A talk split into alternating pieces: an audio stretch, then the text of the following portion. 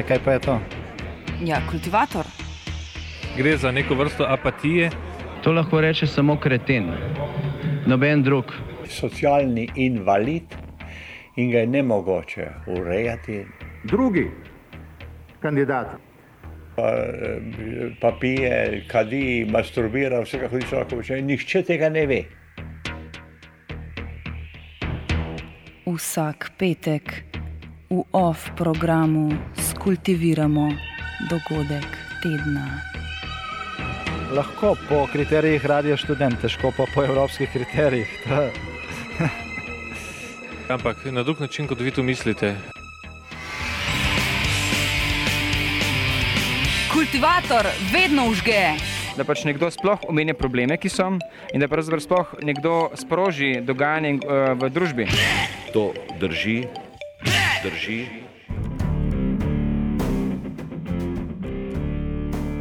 Budući da je prvostupenjsko vijeće utvrdilo da je Hrvatsko državno vodstvo djelovalo u zajedničkom zločinačkom pothvatu protivno međunarodnom pravu i konvencijama Ujedinjenih naroda, čija je Hrvatska članica, moram reći da je to za vladu Republike Hrvatske neprihvatljivo.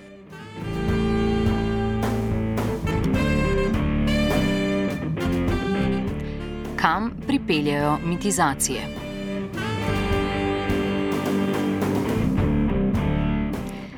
Slišali ste reakcijo predsednice hrvaške vlade Jadranke Kosor na sicer še nepravnomočno sodbo Haškega mednarodnega sodišča za zločine storjene na področju nekdanje Jugoslavije, s katero sta bila minuli petek hrvaška generala Ante Gotovina in mladen Markač obsojena na 24 oziroma 18 let zapora. Tretji general na zatožni klopi Ivan Čermak pa je bil oproščen. Gotovina in Markač sta bila obsojena za izgon, deportacije, rope, uničevanje, umore, nečloveško dejanje in okrutno ravnanje.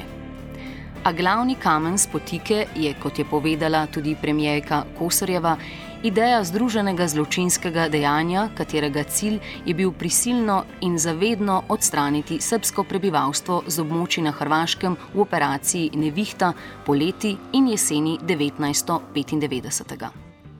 Na vrhu te, po mnenju sodišča kriminalne združbe, je bil takratni hrvaški predsednik Franjo Tučman.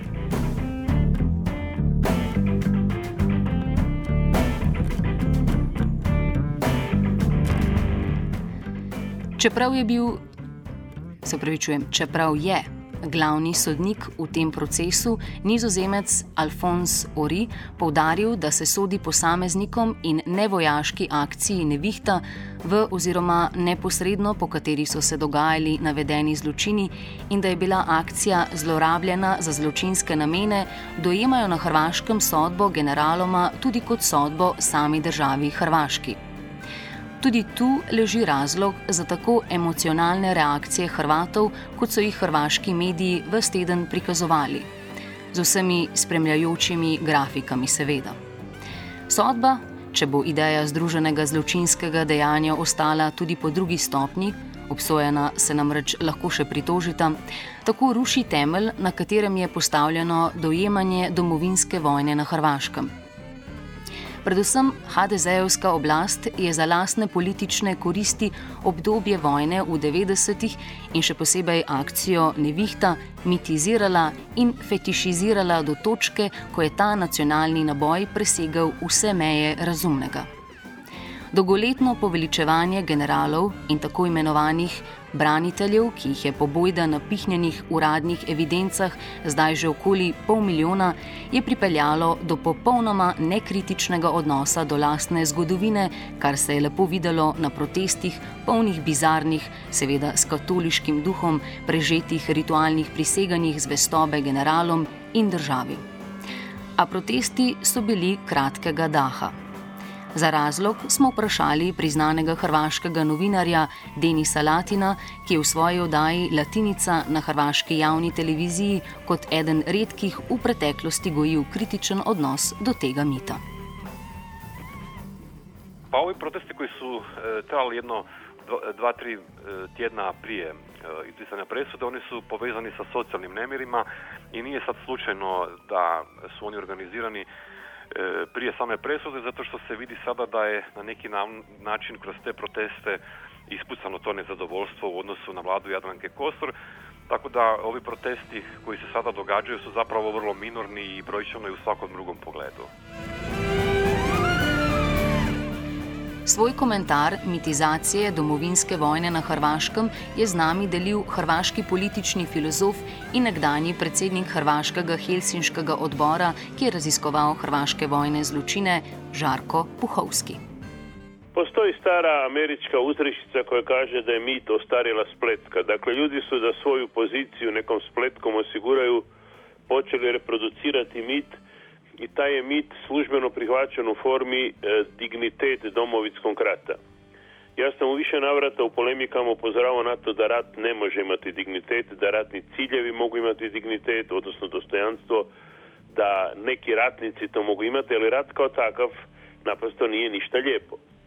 To se pokušavalo zaboraviti, tvrdilo se Hrvatska počiva na ratu i tako dalje i sad se dogodilo to da ta zapravo sovjetska formula otažimskog ili domovinskog rata e, dolazi u sumnju jer se smatralo da je to bilo, tako da kažemo, čisto djelovanje države koja se branila od napada, što je istina, ali e, u takvom ratu nema sasvim čistog djelovanja i ono do čeg su sada došli naši recimo umjereni nacionalisti otprilike sljedeće kazat će na njihovoj, dakle srpskoj odnosno jugoslavenskoj strani to je bio sustav ili sistem kod nas se radilo o izoliranim incidentima. Ali to vam kažu nacionalisti na svim stranama. Za to mitizacijo so poleg politikov odgovorni tudi hrvaški mediji. Denis Latin izpostavlja prepletenost medijev s političnimi strukturami. Prej ste pomenuli surađivanje medija i politike u tom polju domovinskog rata. -huh. Da li je došlo do fetišizacije tog domovinskog rata u Hrvatskoj? Pa u svakom slučaju da, pogotovo zato što su u sve javne medije, prvenstveno na hrvatsku televiziju, e, instalirani, reinstalirani ljudi koji su zapravo 90. godina, kada se događala operacija Voluja, e, tu operaciju medijski na neki način štitili. Oni su sada ponovno vraćeni na te pozicije i zapravo isto ono što su radili 95. 96. to rade i sada, to, to, to znači da zataškavaju zločine koji su se događali i cijeli taj zločinački poduhvat i zapravo samo nastavljaju istim putem kojim su krenuli 95. Glede na navijaštvo v medijih, kot najbolj očitno bode v oči precej nekritično poročanje hrvaške javne televizije, Ni čudno, da so solze domoljubnih državljanov namenjene zgolj generalom, ne pa tudi njihovim žrtvam, o katerih se v teh dneh z redkimi izjemami praktično ni govorilo. Eden od ljudi, ki je na to opozarjal, je bil tudi profesor Puhovski. Vi pominjete, da vas je razočaralo to što se ovoj priči posle presude generalima e, nikako nije spominjalo sve te silne žrtve koje su bile ovaj u stvari razlog zbog čega su ti generali osuđeni. Da li je to glavni problem sada hrvatskog društva oko te priče? Glavni problem hrvatskog društva je to što to ne shvaća kao glavni problem. Nego što shvaća kao problem godine zatvora e, koje su dosuđene generalima, formulu o takozvanom e, združenom zločinačkom pothvatu, Hrvatsku u odnosu spram, ne znam, Velike Britanije, Srbije i tako dalje, a ne vidi se potreba, urgentna potreba da se s vlastitom prošlošću na neki način iziđe na kraj. To ne znači da će se prihvatiti formula po kojoj je Hrvatska počela rat, jer to zaista nije istina, ali će se prihvatiti formula da je i u obrambenom ratu učinjen nezanemariv broj zločina, po nalazima Helsinškog komiteta kojim sam ja godinama surađivao, ubijeno je više od 600 civila u tjednima, danima i tjednima nakon završetka akcije koja se zove Oluja. Kot smo povedali, je na žrtve že v 90-ih opozarjal tudi hrvaški Helsinški odbor, govori predsednik odbora Ivan Zvonimir Čičak. Mi smo objavili izvještaj, to je knjiga objavljena 2001. godine iz kojeg se vidi da je nakon volino redarstvene akcije Oluja ubijeno oko, dvije, oko 600 osoba nakon oluje, ne u oluji nego nakon oluje i da je spaljeno oko 20 tisuća objekata uključujući i škole, trafostanice, željezničke stanice, ambulante, što je zapravo godilo piljenje stupova za struju i tako dalje. To je govorilo o namjeri da se zapravo obustavi povratak.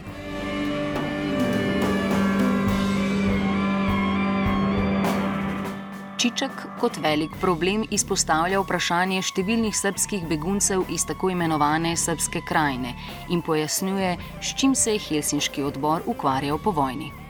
Radilo se, cijelo vreme su nam se obraćali ljudi radi um, upisa u knjigu državljana. Naime, to jesu hrvatski državljani, samo nisu do, mogli dobiti papir o tome da su hrvatski državljani koji se zove domovnica. Onda oko povratka imovine bilo je jako puno ljudi koji su nam se obraćali. Onda bilo je ta šikaniranja su se nastavila još godinama, dve, tri godine nakon oluje. Prema tome, to, oni se svi nama obraćali i vi smo to bilježeni obavještavali javnost i nadležne institucije o tome. A kako su, pošto vi ste bili nekakav medij između tih lica i uh, nadležnih organa u Hrvatskoj uh, posle rata, kako su ti organi reagirali na te vaše molbe i... Nisu uopće reagirali, vrlo malo. Pa to se vidi, ne znam da li ste vidjeli Novi Globus. U Novom Globusu imate transkript razgovora između Tuđmana i Jure Radića u kojem se točno vidi da je ono što je Haški sud govorio zapravo točno. A šta da se radilo o namjeri da se spriječe povratak ljudi. Naj povemo, da je bil Jure Radič, ministr za obnovo in razvoj, njegovo ime pa je prav tako omenjeno v sodbi in se tiče sodelovanja v združenem zločinskem podvigu. Pristojne hrvaške institucije so po vojni torej popolnoma zatajile oziroma jasno odigrale svojo vlogo. Vsakokratna oblast je žrtve hrvaških zločinov ignorirala. Puhovskega smo zato vprašali, ali bi bile reakcije na sodbo z drugačnim ravnanjem oblasti v preteklosti blažje. Ako bi hrvatska vlast, bilo da je SDP ili, ili HDZ-ova, tokom svih tih prošlih godina bar umereno ukazivala i na dignitet koji zaslužuju te žrtve, da li bi danas reakcija bila malo blaža?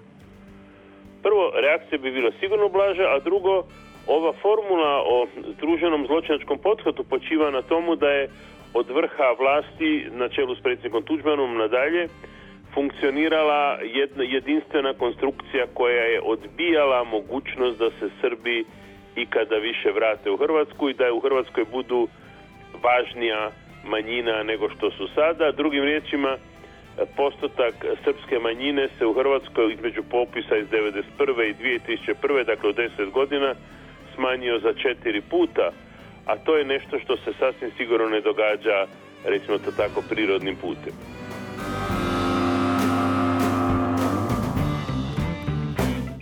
Po mnenju novinarja Latina so bila pričakovanja glede sodbe generalom popolnoma neracionalna, tudi zaradi nacionalistične retorike v medijih. Pa gledajte, o, o zločinima i žrtvama ja sam konkretno jako puno govorio u svojim emisijama u proteklih deset godina. E, javnost je jako dobro upoznata sa onim što se događalo. Međutim, e, stvorena je jedna atmosfera u kojoj e, se očekivala oslobađajuća presuda. Javnost, mediji, politika naročito i odvjetnici samih generala danima su iznosili svoju procjenu da će generali biti oslobođeni. Dakle, stvarno jedno nerealno očekivanje, nije bilo realnih tumačenja onog što će se dogoditi i zbog toga je došlo e, do tog velikog razočarenja u javnosti na kraju e, do protesta, a onda i do, rekao bih, cijele jedne eskapade nacionalističke u javnosti koju gledamo ovih dana. Dobro, tu je odgovornost političara koju svi priznajemo, ali kakva je odgovornost medija u Hrvatskoj, pošto ovaj, e, posle presude bilo je prisutno mnogo navijaštva, također sa strane Hrvatske javne televizije?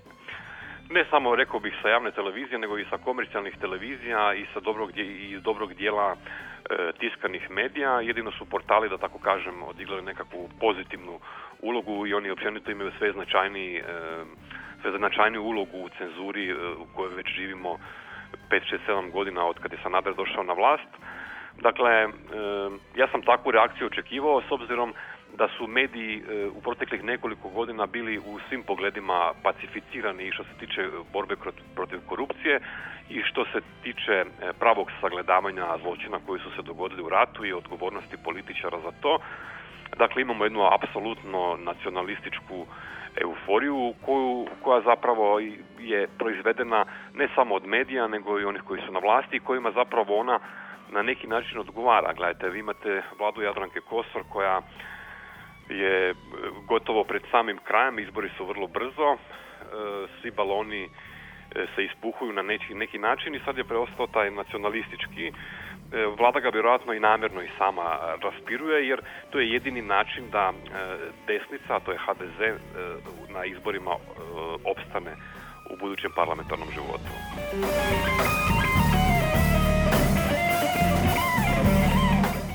Nacionalizem ima torej politične, a tudi sodne posledice.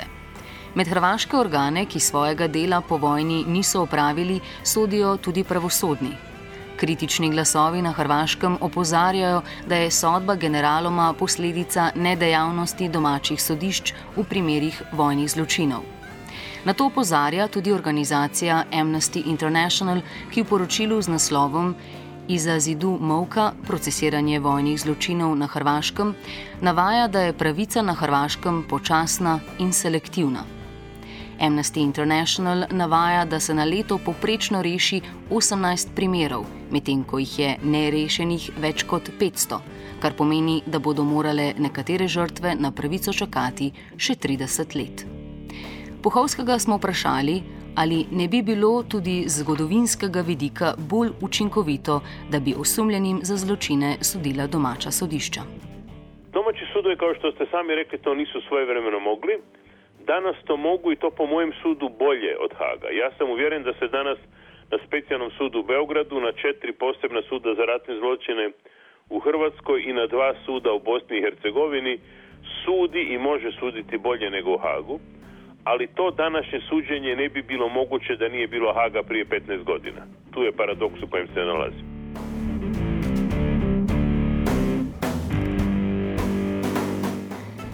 Bistvo problema je torej pomankanje samorefleksije na celem področju Balkana, kar seveda drži tudi za druge države po svetu.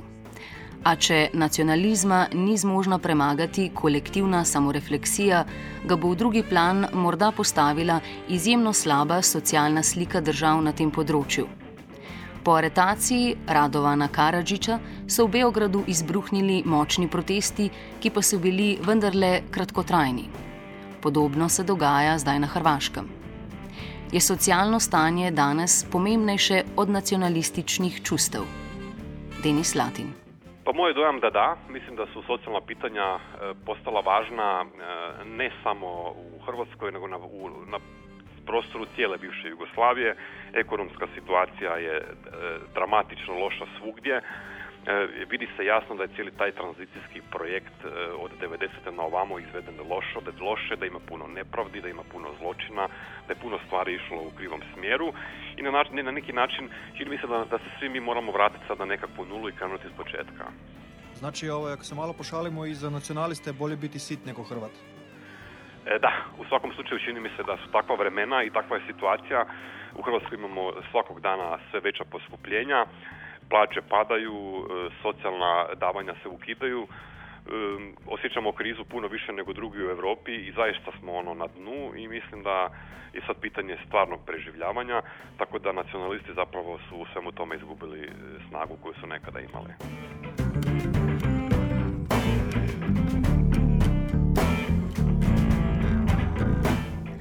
A ne glede na vse zgodovinske izkušnje, premijejka Jadranka Kosor mirno nadaljuje isto napačno politiko mitizacije hrvaške vojne. Po več kot 15 letih zanikanja lastnih zločinov in slepega povzdigovanja določenih političnih in vojaških figur v heroje za voljo lastnih političnih interesov, seveda nikakršna sodba katerega koli sodišča tega ne more spremeniti. Zato ne preseneča sledeča izjava Kosorjeve, ki se giblje nekje med cinizmom in zanikanjem realnosti. Želim reći ono što vjerujem da osjeća svaki hrvatski građanin i svaka hrvatska građanka. Mi se, dame i gospodo, istine ne bojimo. Ponosni smo na naše pobjede i na sve one koji su omogućili da danas Hrvatska bude slobodna, neovisna i demokratska država. Hrvatska je također i država vladavine prava u kojoj se poštuju zakoni, pravosudne institucije i njihove odluke.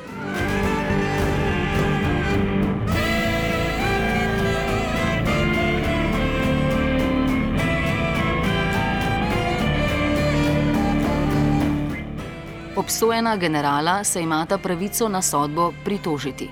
Petrožbe, se pravičujem, pritožbeni postopek lahko traja od več mesecev do celo nekaj let. Do takrat pa bo Hrvaška odločitve pravosodnih inštitucij spoštovala tako, da jih bo razglašala za nesprejemljive.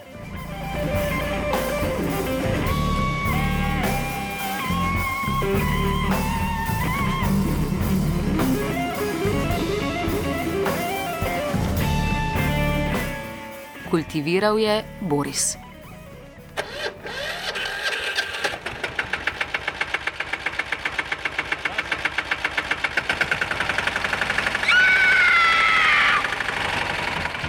E, kaj pa je to? Ja, kultivator. Gre za neko vrsto apatije. To lahko reče samo kreten, noben drug. Socialni invalid in ga je ne mogoče urejati. Drugi kandidat. Pa, eh, pa pije, kadi, masturbira, vse kako človek počne. Nihče tega ne ve. Vsak petek v OF programu skultiviramo dogodek tedna. Lahko po kriterijih radio študent, težko pa po evropskih kriterijih. Ampak na drug način, kot vi to mislite. Kultivator vedno užge. Da pač nekdo sploh omenja probleme, ki so, in da pravzaprav sploh nekdo sproži dogajanje uh, v družbi. To drži, drži.